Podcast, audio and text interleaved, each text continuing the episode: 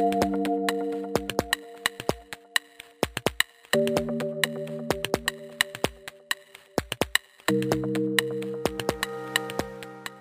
un altre cop al nostre podcast, La nova mobilitat, amb en Miquel. Hola, Miquel. Martí, bueno, ja, ja t'has ja mudat, no? Ja hem fet el trasllat, ja hem fet el trasllat, ara ja, ja tinc la meva habitació del podcast, vull dir que... Molt bé. Tu, Miquel, has passat unes bones vacances? Bueno, he fet poques, he estat per Catalunya treballant, però sí, bueno, una mica de festival de música, una mica de platgeta, bueno, anem, anem fent, anem fent. L'estiu, però bé. Ara fa menys calor, està més bé. Molt bé. Uh, tu, a veure, uh, avui parlem de transformació del sector amb el vehicle elèctric, implicacions en el disseny, l'aerodinàmica, en els models tecnològics i de negoci i un nou agent del sector des de la Xina. Um, crec que és molt interessant avui, no, Martí? Sí, sí, jo trobo que és un, un dels punts doncs, eh, interessants en el sector d'això de la transformació cap al vehicle elèctric i també eh, quins altres agents, diguem-ne, o quins altres empreses estan començant a prendre en rellevància dins del mercat. No? Es parla sempre molt de, de Tesla, però des de l'altre costat de, del, dels continents, no? des de la Xina, també veiem un, una empresa molt, molt important, que és l'empresa NIO, i que està fent, que és una startup al cap i a la fi, però que està llançant productes molt interessants. I és per això que avui tenim de convidat l'Aleix Fernández. Hola, Aleix, benvingut. Hola, bona nit. Bona nit, Martí, bona nit, Miquel. Merci, merci per, per, per poder dedicar una mica del teu a nosaltres i fer una mica de divulgació aquí. Primer de tot, gràcies per convidar-me a aquest podcast. Està, és molt, molt, molt agraït que, que, que em deixeu parlar una estona amb vosaltres i compartir una miqueta la meva experiència. Eh, jo eh, vaig estudiar Enginyeria en Disseny Industrial a, a, a Barcelona, a l'Elisava, i després vaig fer un màster en, en disseny d'automoció i des de, des, de, des de llavors ja vaig tenir una certa diguem, inquietud per tot el tema de com es fa no? les coses, no sol de dibuixar, sinó de saber com es fa i a partir d'aquí, doncs, bueno, eh, vaig, quan vaig acabar la carrera i el màster em vaig mudar a Stuttgart, que és on vaig conèixer el Martí, vaig estar fent projectes per, per Mercedes i per Porsche i després vaig tornar a Barcelona, vaig estar sis anys gairebé treballant a SEAT, fins que doncs, fa ara aproximadament cinc anys eh, NIO em va fer una oferta i vaig decidir tornar cap a Alemanya i mudar-me a Munic. I, bueno, eh, dintre de l'empresa NIO soc eh, enginyer d'estudi, que se'n diu Studio Engineer.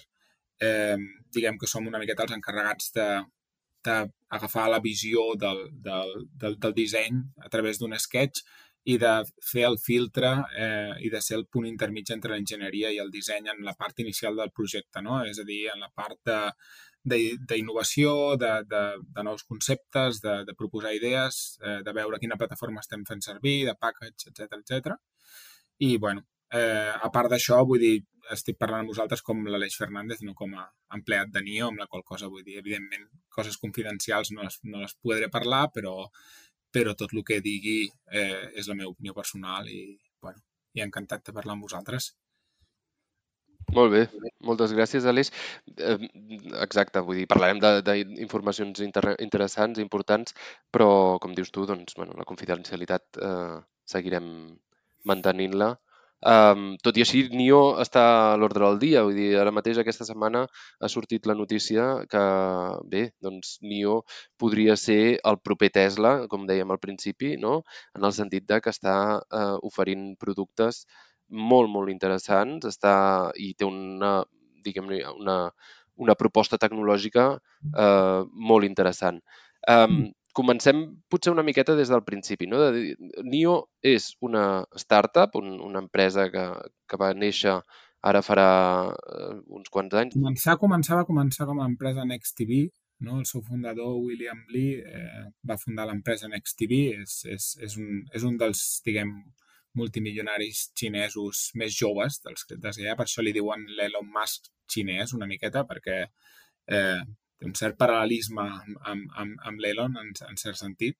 Eh, I l'any 2016 es va presentar com a si l'empresa, o sigui, la marca de cotxes NIO, eh, amb el seu logotip i el seu primer model, que és el que eh, estava basat en un cotxe de Fórmula E, que és el que va guanyar el primer campionat del món de Fórmula E que es va fer eh, amb el Nelson Piquet i bueno, diguem que a partir d'aquí eh, es va presentar un cotxe prototip que va anar al Nürburgring a fer el cotxe a fer la, la, la volta més ràpida de, de cotxe elèctric que ha durat fins fa aproximadament un any i mig, crec, que va anar Volkswagen amb l'IDR, crec, a, a batre'l. Um, I, bueno, és una empresa que hem anat ara, de, de fet, en el portfolio ja tenim, vull dir, eh, cinc cotxes. Eh, es van començar... Jo, jo me recordo que jo vaig entrar l'any 2017, just quan vam presentar el nostre primer cotxe de producció, que és l'S8, no? que és un, un Big SUV, i, i, i des de llavors fins avui, eh, en, diguem, en tres anys, eh, bueno, no, tres anys, perdona, en cinc anys doncs, s'han doncs, vengut ja 220.000 cotxes que per una empresa que, que comença de zero, doncs diguem que és, eh, és bastant re rellevant, no? Eh, en aquest sentit, bueno, doncs, eh, hi ha bastant potencial, vindran bastants models nous i, bueno, bàsicament a NIO podem parlar, podem parlar després, al final, eh, un de, una de les coses que té, que realment és bastant, és, és única i, i és el, el sistema de canvi de bateries, no? I un, un, un punt aquí, perquè jo, segons tenia entès, també NIO es fa molts dels seus components, no? Vull dir, és també proveïdor de components, sí. només per ell mateix, però és com que vol, vol integrar també, en parlàvem fa uns, cap, uns episodis de la integració vertical, que fa Tesla, NIO també vol anar una mica cap a aquesta direcció, no? Sí, ara hem presentat també les, les ulleres de, de realitat virtual, no? en el qual bueno, diguem-ne que ens hem tornat una miqueta bojos generant pantalles enormes dintre de, dels cotxes que tenen Eh, un, el problema és que eh, aquestes pantalles, eh, a part de distreure't mentre estàs conduint, si no vas en conducció autònoma, eh, eh, quan hi ha els, els, els crash tests eh, són un, un absolut mal de cap, no? perquè, perquè quan tu estàs xocant amb tots aquests components electrònics i tot, vull dir, no diguem que tots els radis i tots els, els, tots els requirements que tens que seguir per interiors pues, són una total bogeria. Llavors, bueno, diguem, pensar-ho d'una altra manera i pensar que et pots posar les ulleres de realitat virtual i veure una pel·lícula en el cotxe quan estàs parat en el trànsit o, o en un semàfor esperant algú en vez de tenir una pantalla de, de, de 58 polzades dintre del cotxe, bueno, és, és, és diguem, veure-ho des d'un altre punt de vista. Però sí que és veritat que jo havia estat eh, eh, doncs, bueno, doncs, eh, 8 anys treballant en, tant en el grup Volkswagen, és a dir, a SEAT, com a, com a altres empreses que, que, que estaven fent cotxes de combustió, i diguem que per mi arribar a Nio va ser tot nou, no? perquè, clar, eh, un cotxe elèctric, el primer que canvia és que la plataforma és totalment diferent i llavors això a nivell de disseny et dona, diguem, et donen molt, moltíssima llibertat. No? Hi ha moltes parts del cotxe que canvien, eh, nosaltres, o sigui, un cotxe de combustió, tu sempre quan comences amb una plataforma, per exemple, doncs tens, diguem, la posició del motor, si és longitudinal, si és transversal, a partir d'aquí tens que pensar on estan els components electrònics, on està el dipòsit, sobretot de benzina, no? Diguem que has d'anivellar el cotxe perquè estigui, diguem, perquè tingui el millor eh, repartiment de pesos, que es diu, no? I llavors, a partir d'aquí, tu com a dissenyador et una plataforma que està feta i tens una certa llibertat per fer certes coses, no?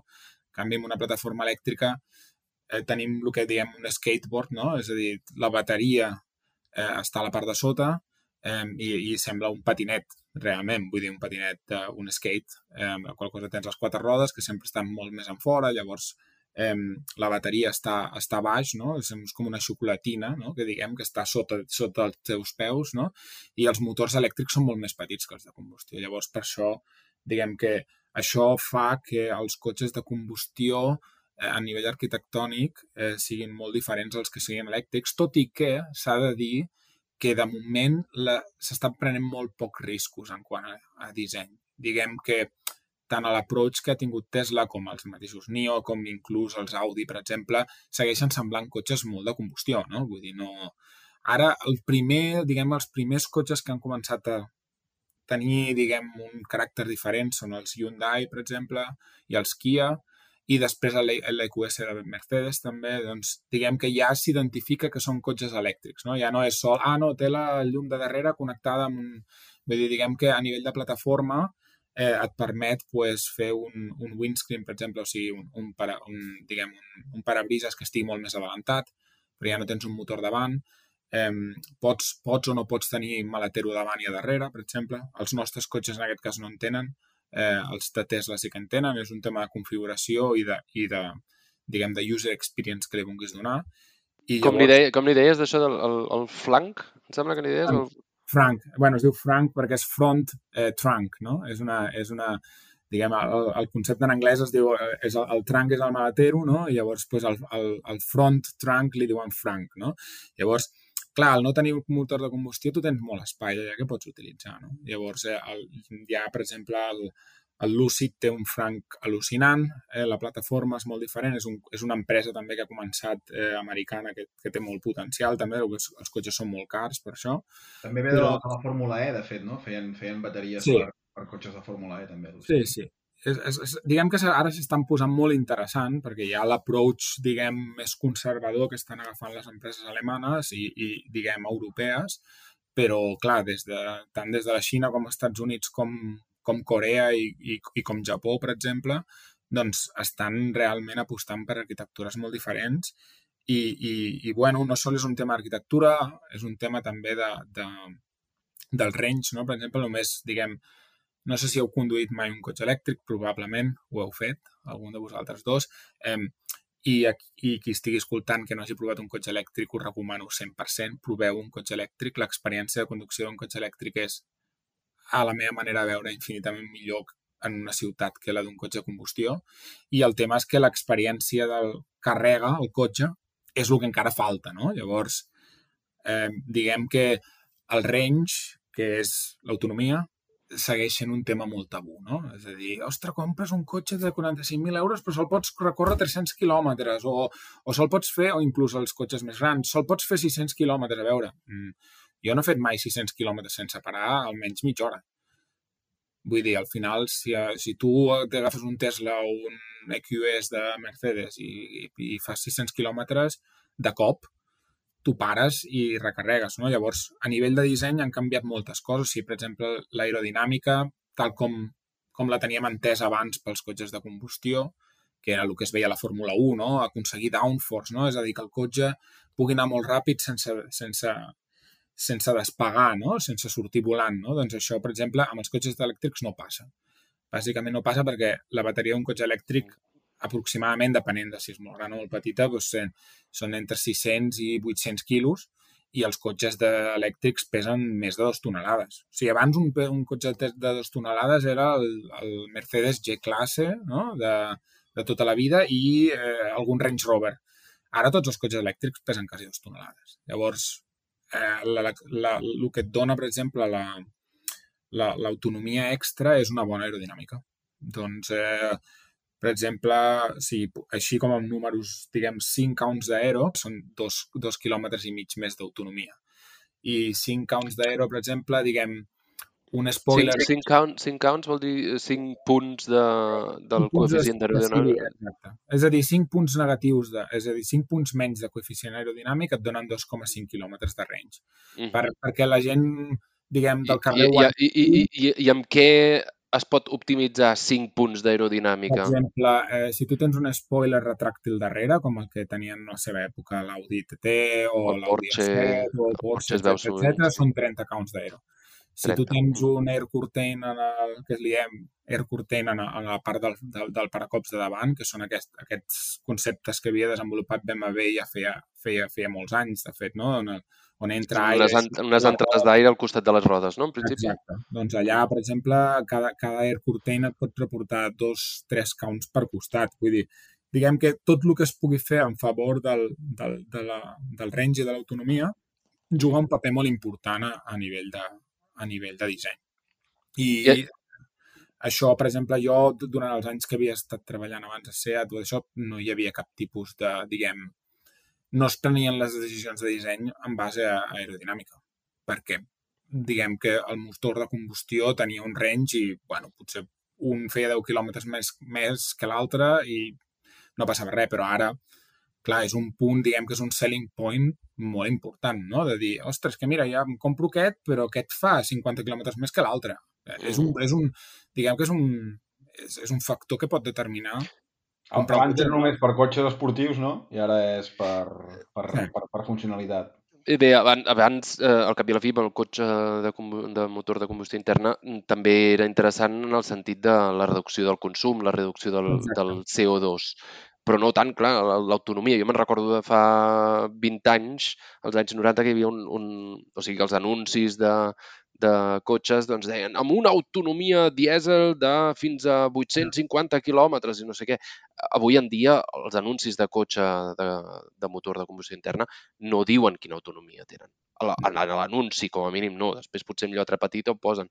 Però clar, en el cotxe elèctric, que és un dels grans punts en contra, no? el cotxe elèctric doncs, fins ara tenia unes, unes autonomies reduïdes, venim de, de cotxes um, amb, amb autonomies de 200-300 quilòmetres i ara sí que estem veient, com dius tu, Aleix, um, sigui no només per Tesla, vull dir, els, els cotxes uh, i les marques uh, reconegudes ja estan arribant a autonomies diguem-ne, acceptables, amb 400, 500, 600 quilòmetres eh, amb cotxes eh, més o menys acceptables. A, a mi m'agradaria preguntar-te, um, deies, mm, la silueta està canviant, no? I dius, potser els, eh, els fabricants europeus no s'acaben d'atrevir, però en què reconeixes que un cotxe és elèctric? En què reconec que un cotxe és elèctric? O sigui, a part de, a part de que porti un, una tapa que puguis carregar eh, amb un carregador, no? Però vull dir, a, a nivell de disseny, des de fora, mirant-te'l des de fora, vull dir, veiem, veies un Nissan Leaf i deies, aquest cotxe és elèctric, no? Um... Els cotxes elèctrics acostumen a ser més alts que els cotxes de combustió, de combustió per un tema purament de package. És a dir, eh, normalment eh, tu, diguem, en un Ferrari t'asseus a 6 centímetres al terra, no? amb, uns cotxe, amb un cotxe sedan, per exemple, doncs ja vas més elevat, però tu no tens res a sota, diguem que sol tens, diguem, sol tens el, el metall no? i pots tenir-hi com a molt una transmissió. Llavors, clar, quan, quan tu tens una, un cotxe elèctric, la majoria, o sigui, el, diguem que tots els cotxes que tenen plataforma elèctrica, no cotxes elèctrics que s'han basat en una, en, una, en, en una plataforma de combustió, eh, tots tenen la, la, la bateria sota amb la qual cosa això el que fa és que puges els seients cap a dalt, llavors les siluetes normalment dels cotxes elèctrics acostumen a ser més elevada, vol dir la distància que tens al terra, o sigui, si els cotxes abans de, de combustió eren alts, era perquè eren, diguem, els SUVs, no? però tenien molta altura lliure al terra. I ara tu veus cotxes que són, diguem, que tenen molt poc ground clearance, no? que tenen poca, poca distància al terra, però que en canvi són molt alts, no? com, com si fos una tipus de furgoneta. Llavors, Eh, això és una miqueta el principal problema que tenen els cotxes elèctrics a l'hora de dissenyar. I després els cotxes elèctrics sí que es veu que, eh, diguem, amb superfícies a nivell de disseny eh, tenen un llenguatge molt diferent, no? Tenen, sobretot a la part de darrere tenen, molt, tenen molt, molts cutting edges, no? Diguem, molt, moltes línies de, de tall que el que fan és afavorir l'aerodinàmica, vale? No sé per què, diguem, a nivell de disseny eh, eh, si preguntes eh, a la gent eh, quan veuen un cotxe amb la llum que va de costat a costat, eh, ho estem fent tots, no? Vull dir, totes les companyies estan unint els, els pilots darrere, les llums darrere, en una línia molt fina, no? Com fa Porsche, no? I això ho identifiquen com elèctric, també, no? Diguem, perquè és com futurista, no? Però això també és una miqueta moda, no? Podríem dir-li una mica diguem que és moda. Sí, no és, no és que tingui més avantatge o inconvenient Exacte. en aquest sentit. No, perquè el Seat León, per exemple, també ho té, però no és elèctric, no? N'hi ha híbrids, però no. Però sí que és veritat que ho relacionen i després, sobretot, una cosa que sí que es pot veure a simple vista és que les, les llantes normalment són molt tapades. El, que també que aporta aerodinàmica al cap i a la fi. aerodinàmica exacte. Mm. Però ara deies, per exemple, um, que les línies són molt més, mm, no sé com l'has dit, cutting edges, o sigui, molt més... A part de eh, darrere, si davant sí. es busca sempre amb aerodinàmica ser bastant més rodó, uh -huh. i a la part de darrere es, es busca ser bastant més quadrat perquè bàsicament el que fas és que l'aire, o sigui, fas que l'aire es desenganxi de manera més ràpida del cotxe i llavors uh -huh. aconsegueixes que l'aire no t'estigui frenant tant, no? No tindria tantes turbulències llavors al darrere. Exacte.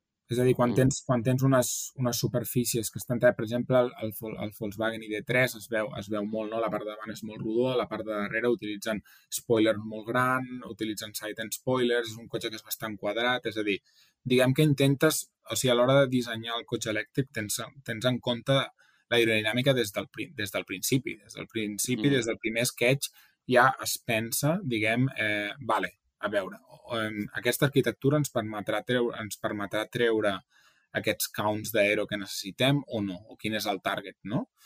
Llavors, altres coses que també s'han millorat molt, per exemple, els voladius s'han reduït, és a dir, la distància que tu tens, per exemple, des de l'eix de la roda fins al davant del cotxe està més reduïda. Per què? Perquè abans els cotxes tenien que ser més llargs per protegir els peatons contra, el, contra, contra diguem, contra els... Bueno, per protegir els peatons exacte contra els cotxes en un crash test, no? És a dir, tu tenies el motor de combustió davant, que és una peça superdura, doncs si tu t'estampes a 40 km per hora contra un, contra un peató en, en el carrer, que pot passar, no? tu tens que passar uns tests i per això hi ha les estrelles Euroncap famoses, no? de 5 estrelles Euroncap, eh, que eh, és, és, és també algo que, que, que diguem que és, que és un key selling point per molta gent també, el uh -huh. fet de pensar que porta un cotxe segur.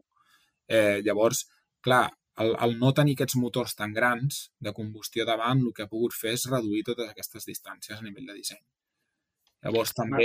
Necessites, necessites espai perquè, perquè es plegui, no? En un cotxe de combustió Exacte. interna. En canvi, en un altre cotxe no, no tens res, per tant, pots... pots... Bueno, han canviat moltes coses, exacte. Vull dir, diguem que va haver-hi l'època del Renault 5, no? on, on els nostres pares feien eh, la barbacoa i nosaltres ens sentàvem tots a sobre el capó i no passava absolutament res. Després va arribar l'època que va començar a entrar la, la, la protecció al, al peató molt més forta, llavors agafaves qualsevol cotxe i apretes el, en el capó i l'enfonses, no? És a dir, són cotxes tous perquè per amortiguar, si tu atropelles a una persona i llavors aquesta amortiguació, diguem que el fet de tu no tenir un motor darrere, el que fa és que el peató estigui bastant més protegit. Llavors això que, que ha permès que aquestes distàncies de seguretat que teníem en els cotxes sempre de quina distància tenim des del, des del motor fins al primer contacte amb un peató. No? Tot això, els motors, al ser tan petits, comparat amb una combustió, s'ha reduït molt.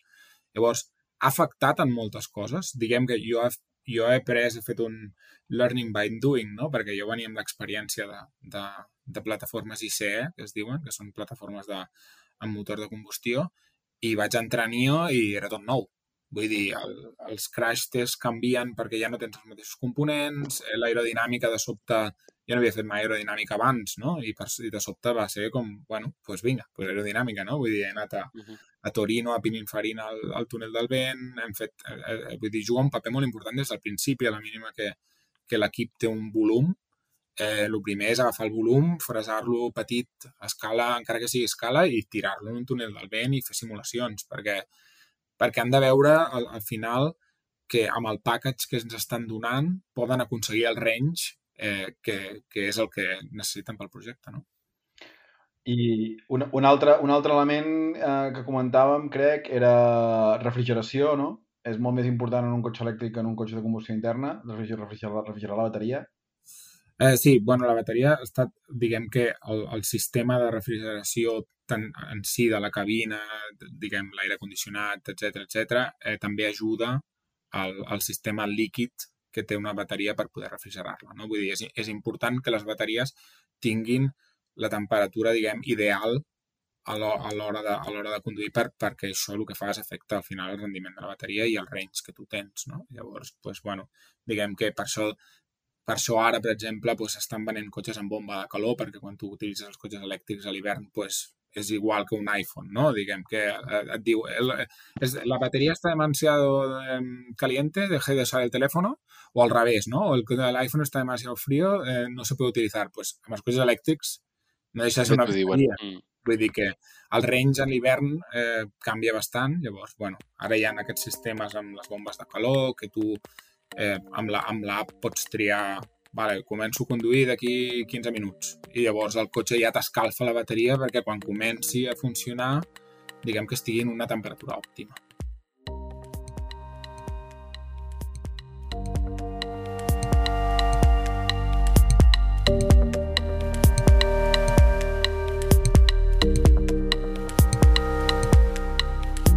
Um, ho veien també BMW, per exemple, fa poc, que deien um, en comptes de, de vendre eh, el cotxe ja completament equipat eh, o equipat amb una cosa concreta, de dir eh, el vendrem amb, eh, sense, o sigui, amb l'opció de la calefacció del seient, però si la vols realment, doncs te l'has d'activar, sigui per, per mòbil o sigui com sigui, pagant una subscripció eh, de més a més. No?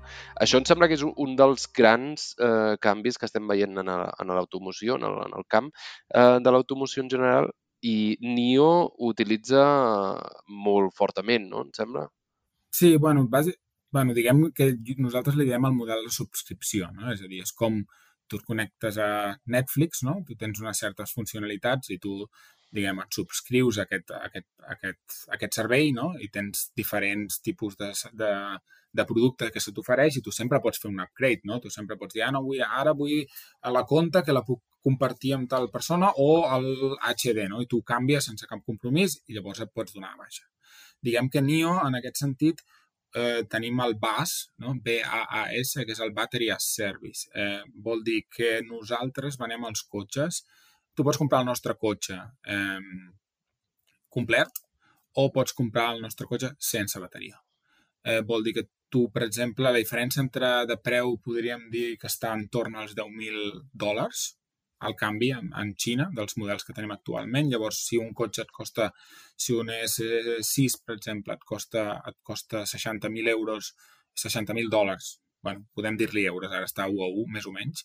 Eh, diguem que si et costa 60.000 euros, doncs tu et dius, no, vale, doncs tu compres el cotxe, però pagues 50.000 euros i diu, tens una reducció del 10, del, del, d'aquests 10.000 euros que no els tens que pagar perquè la bateria pertany a NIO. Llavors tu pagues mensualment un servei de bateria. És a dir, el problema que normalment tu tens amb, la, amb, les, amb les bateries és que si tu ara compres un cotxe, un cotxe elèctric, no? Eh, la, la diguem, el desgast de la bateria durant 4 anys és gran, val? diguem, no sé exactament en quan està ara, però podríem dir que, que hi ha hagut molts usuaris ja de Tesla i d'altres marques que han tingut que canviar la bateria d'un cotxe, per exemple, perquè ja no, diguem que estava espallada o que el range que tenia ja era del 50% menys o del 40% menys, amb la qual cosa, bueno, diguem que en aquest sentit el que tu tens és que la bateria, que és el principal component eh, i el component que et dona el range, el component que, que també fa que els motors elèctrics tinguis menys potència o, o més, per exemple, eh, no et pertany a tu i tu pagues una quota mensual. Llavors, amb aquesta quota mensual, tu el que fas és que, diguem que no devalues eh, no devalues el cotxe perquè, perquè la, la bateria, a més, el pertany a NIO, tots els, els updates que es fan a aquesta bateria se't donen, no? diguem que venen inclosos. No?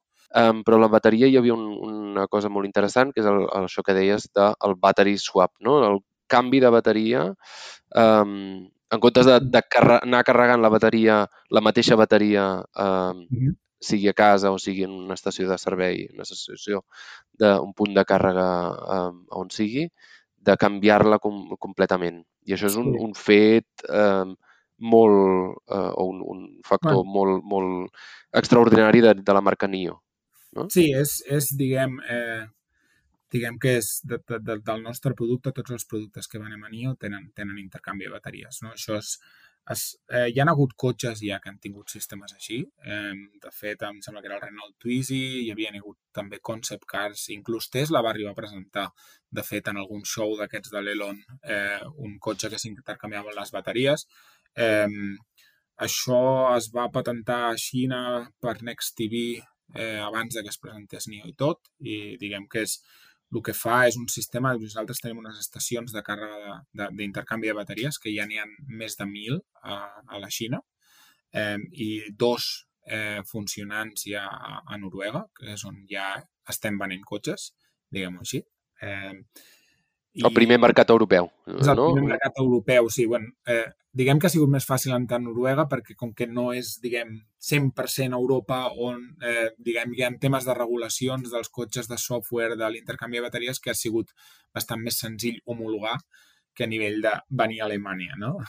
ha sigut una miqueta... De fet, aquí tema curiositat, veus cotxes de prova per aquí per Alemanya, cotxes elèctrics, que tenen matrícula noruega, cotxes xinesos i així, perquè tots entren, entren per allà. Sí, Sí, sí. bueno, eh, diguem que, eh, bueno, ara de fet fa, fa un mes ja es va presentar la, la bueno, eh, hi haurà la primera fàbrica de, de Europa de NIO de eh, estacions de canvi de bateria. O sigui, una estació de canvi de bateria de NIO, perquè us fa una idea, és ocupa com tres places de pàrquing, vale? eh, conté 14 bateries i tu, diguem que arribes en aquesta bateria en, aquest, bueno, en aquesta estació i tu amb el, amb el telèfon encarregues una bateria nova i el cotxe, quan apretes un botó, entra directament automàticament, vull dir, de manera autònoma dintre la bateria, dintre de l'estació de canvi de bateria i en 5 minuts et carrega una bateria 100% eh, carregada, no? Però que, que, que es pot imaginar com si fos allò el túnel de rentat, no? On poses el cotxe... Sí.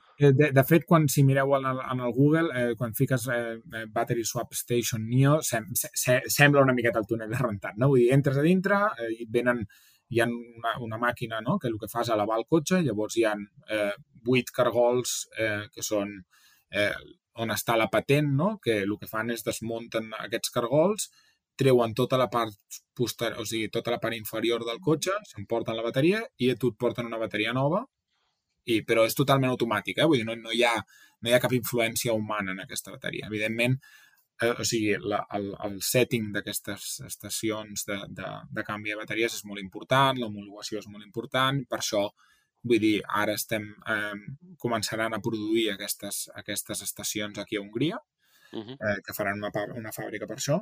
I això, diguem que a nivell d'autonomia, per exemple, eh, no canvia, no? Eh, tu tens l'autonomia del cotxe que tens, no? però em recorda una miqueta quan tu anaves amb el Nokia 3310, no? Se t'acabava la bateria a migdia i tu portaves la bateria a recanvi, no? La canviaves en 30 segons, ara te llamo, i, i tornaves, no? Llavors, ara amb l'Apple la, estàs tot el dia que, que si carregues, que si no, ara no tinc bateria, poses un carregador extra, no? Diguem, eh, la gran avantatge que té per mi no és tan... O sigui, si, a, la Xina, per exemple, han pogut fer des de Beijing fins a, fins a, fins a Shanghai sense parar, no? Perquè tenen estacions, diguem, de canvi de bateries eh, estratègicament col·locades a les autopistes. És a dir, una estació de canvi de bateries no té cap sentit posar-la al centre de Munic, de Berlín, de Barcelona, d'on vulgueu, perquè, perquè al final tot el centre, diguem, està plegat de, de carregadors i eh, no deixa de ser el motiu d'aquest canvi de bateria és per quan vols fer viatges llargs, no? Quan, quan tarda a fer-te el canvi? Menys de 5 minuts, 4, em sembla que era 4, 30 o una cosa així. Amb, amb això minimitzes temps, però l'altra cosa és pots també triar, vale, doncs vull una bateria que tingui més, més rang. És a dir, hi ha diferents rangs de bateria que pots triar Exacte. Diguem que per mi, diguem, això del canvi de bateria està molt bé per quan vols fer viatges llargs, no? Però al final l'evolució de les bateries és, o sigui, en els últims cinc anys ha sigut tan bèstia que ara, per exemple, vull dir, nosaltres rebem el primer pack de bateries de 150 quilowatts que són ja en estat sòlid. 150 quilowatts hora, no? 150 quilowatts hora, exacte, que vol dir que tens un range ja de, de 1.000 quilòmetres diguem que la capacitat de les bateries o el range deixarà de ser una miqueta tan, tan tabú i ara, avui en dia, hi ha tots els cotxes, diguem, elèctrics amb, amb, amb les amb bateries noves, ja tenen més o menys entre 500 i 600 quilòmetres d'autonomia reals. I si no són ara, eh, d'aquí als propers dos anys, tots els cotxes tindran aquesta autonomia. Llavors, el que sí que et dona és aquesta diguem, jo ara, per exemple, poso sempre el meu cas, no? Jo, jo vaig comprar la bateria més petita que tenia Volkswagen, que eren 45 quilowatts. Per què? Perquè, perquè el meu, diguem, el meu, el meu user case era una persona que utilitza el cotxe sol per anar a l'àrea metropolitana de Múnich.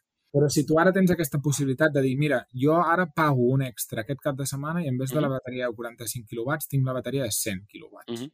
I arribo a Hamburg sol fent una parada entremig, per exemple. Pots, però... pots escalar rang i fins i tot el, el model de conducció, no? Perquè pots dir, vull anar més esportiu que estaré més bateria, doncs també... Perquè al final els motors elèctrics són tan potents que avui en dia estan capats per la bateria. És a dir, tu el que fas, tu, no, per exemple, els nostres models, tots els models porten les, el mateix motor davant i darrere. No tenim, no tenim motors, eh, no tenim models amb un motor. Com, per exemple, Tesla té el dual motor, que porta motor eix de davant, motor darrere. Uh -huh. Nosaltres 4 tots 4. Uh -huh és, és tracció quatre rodes -huh. i segons la, la versió de bateria que tu tens, eh, tenen més potència o menys, però el motor és el mateix. I, i, i ja no parlem sol de la bateria, sinó de lo que has dit tu, de BMW, de la funcionalitat, no? De dir, eh, autonomous driving, no? Per exemple, o sigui, jo perquè necessito tenir el millor sistema de, de, de, de conducció autònoma del món, quan l'utilitzo una vegada al mes perquè me'n vaig, agafo un tros d'autopista per anar fins a Berlín. El, el, vull dir, diguem que el business case pot, pot sí. fer, el user case pot fer que tu puguis dir, ah, doncs mira, ara pago un extra per això. I ara me'l trec, no?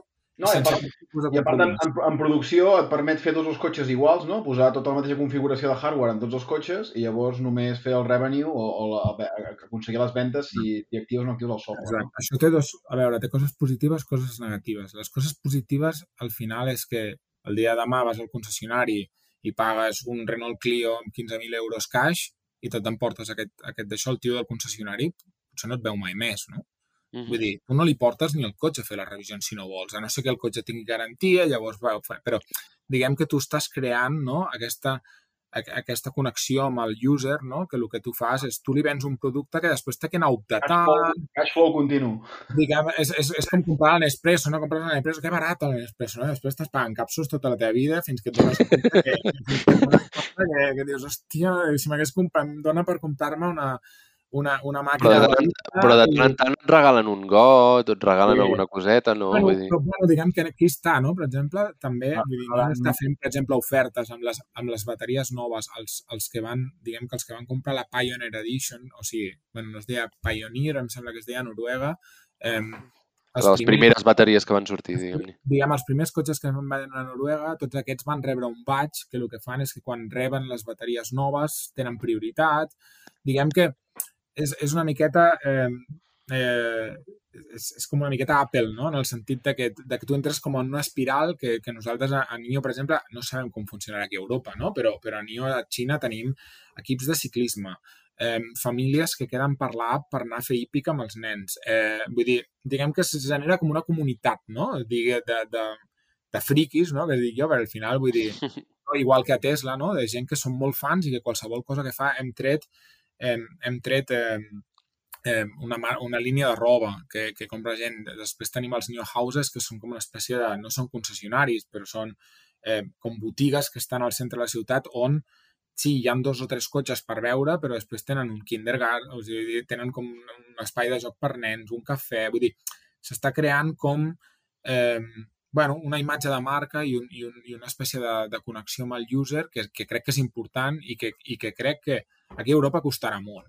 perquè aquí la, la gent està encara molt, eh, diguem, la gent encara vol comprar-se un Mercedes, comprar-se un BMW, comprar-se un Porsche, un Porsche, perdó, eh, i amb la qual cosa eh, això costarà de canviar, però bueno, diguem que, bueno... Eh... Però, però ja, una miqueta aquest mercat ja l'ha trencat eh, Tesla, no? Per, Tesla ja l'ha trencat. A nivell, a nivell de, de gamma alta... Comprava un cotxe americà. Vull dir, el que tenia un Dodge era un tio que era un fanàtic dels Estats Units, no sé què, i ara la gent es compra el Tesla sense pensar-ho, no? Vull dir, per què? Perquè té una pantalla gran, perquè no sé què, perquè a nivell de, a nivell de, de com es diu, d'eficiència de, energètica són molt bons. A nivell de qualitat ja és una altra cosa, però eficiència energètica, el consum que tenen cada 100 quilòmetres és bastant reduït, uh -huh. els range que tenen són grans i els cotxes no estan malament, vull dir, al final hi tenen la, la, la, els supercargadors que tenen els seus pros i els seus cons també, no? Però, però diguem que, que aquí, bueno, no sé Espanya com, com, com és ara, però, però a, i, a, a Catalunya, però a nivell de a nivell d'aquí de Munic, per exemple, és una passada la quantitat de Tesla 3 que es veuen i són cotxes que no, no valen 20.000 euros, vull dir, valen mm. 50.000, 45.000 euros. Però... No, però això també és important, jo crec, a l'hora de, de, de parlar de volum, no? De, és a dir, sí que per començar doncs, hi ha d'haver aquesta eh, comunitat, aquest eh, màrqueting de dir som els, eh, el, el, li deien en anglès el first adopter, no? els, els primers que diuen hòstia, a mi m'agrada molt la tecnologia i vull, a més a més, desmarcar-me i no vull portar un cotxe, eh, diguem-ne, qualsevol, sinó vull portar-ne un potser independentment del preu, eh? però que, que es vegi, no? I, sí, sí, no? i l'altra cosa és quan vols arribar realment a fer un volum, doncs has de complir també els altres, eh, les altres coses. No? El preu, per una banda, la qualitat per l'altra banda, el servei, vull dir, tot això són coses que NIO suposo que anirà eh, sí. avançant de mica en mica. Sí, i, i ha de, hem de veure també on encaixem en el mercat. No? Vull dir, al final també és veritat que que el Tesla m'agrada en el sentit que m'agrada molt perquè es veu molt el use, o sigui, el, el client que té un Mercedes classe S o un classe o un BMW Sèrie 5 està esperant a que BMW i, Mercedes treguin el cotxe elèctric per comprar-se el cotxe que ell, vull dir, però el client de Tesla ja és això, un tipus tecnològic d'Apple, de no sé què, llavors en, en aquest sentit, vull dir, està canviant molt, no? I el target de client és, és molt diferent, tot i que els cotxes no deixen de ser cars, i bueno, suposo que ho veurem eh, ara. Bueno, tindreu notícies, evidentment, nostres, perquè la primera setmana, crec que és la primera o segona setmana d'octubre, estarem a Berlín, que fem l'event de presentació oficial de, de NIO a Alemanya. Com hi aniràs? Què? Com hi aniràs? Eh, doncs amb Nio. Amb De Nio. fet, de fet, eh, ens queda pendent de, ara, perquè no esteu aquí, un està aquí, un està allà, però, però, però ara quan torni de vacances o quan torni aquesta setmana al setembre, a veure si, si quedem un dia i anem a fer una volta amb un Nio. I nosaltres en Un, un battery aquí. swap. Jo voldria fer un battery swap. Aquí, Battery Swap, eh, en tenim un de prova, però no, no el podem... De moment encara no el podem fer servir. Però, uh, Martí, tu, però, tu, ens esperes, tu ens esperes a l'estació de Battery Swap i nosaltres anem conduint, vale? vale, perfecte. Molt bé. Molt bé, Aleix. Uh, molt, molt interessant. Crec que ens ho hem passat molt bé parlant amb tu i, i en- entenent, entenent el- l'impacte en el disseny, la dinàmica, el que està fent Nio. Moltes gràcies per, uh, per, per dedicar un, un vespre a nosaltres. Ha, ha, ha sigut una mica complicat la connexió i tal, però, però crec que ha valgut la pena.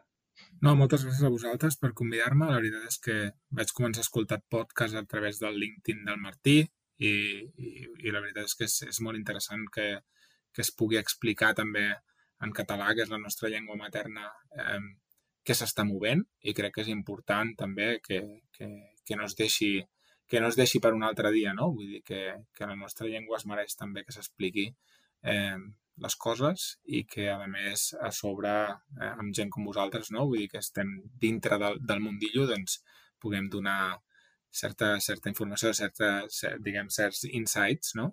I trobo que és, que és molt, molt enriquidor. I res, doncs qualsevol altra cosa que necessiteu. Eh, I espero que, que estigueu atents a la, a la presentació d'octubre, que Sí. serà, Estarem molt atents. Estarem molt atents. serà molt emocionant veure els primers Nio. Diguem, jo he estat a Shanghai eh, Sí. diverses vegades, i quan veus el Nio pel carrer, evidentment, que són els cotxes que has dissenyat tu, doncs és emocionant doncs, veure-ho aquí. Doncs diguem que la pregunta al meu pare de quan podré comprar-lo? Doncs està cada cop més a prop. Queda poc. Sí, sí, se- se- seguirem a temps. Jo, la veritat, eh, segueixo Nio des de fa temps, perquè allà, quan, quan estava als Estats Units, eh, a la Area, eren, eren rellevants i estava connectats amb ell i, i, i és, és, es, estic seguint i, i, i excitat de veure quan, quan, quan comencem a veure més cotxes per aquí, per, per Europa de Nio. Um, Martí, Digues. Um, això ja, ja, ja, ja ho tenim bastant embastat amb la teva nova casa, la teva, la teva sala de podcast. Ara, avui hem fet elèctric, ara tocaran un parell de cotxe autònom. Molt bé. Endavant. dues o tres setmanes.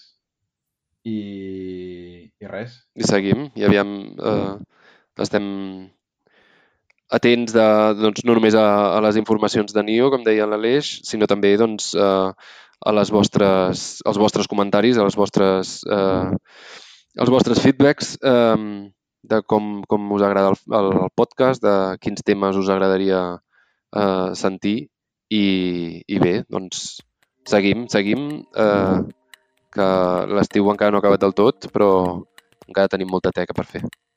Miquel, Aleix, moltíssimes gràcies, felicitats i fins a la Gràcies. propera. Fins la propera. Fins aviat. Adéu.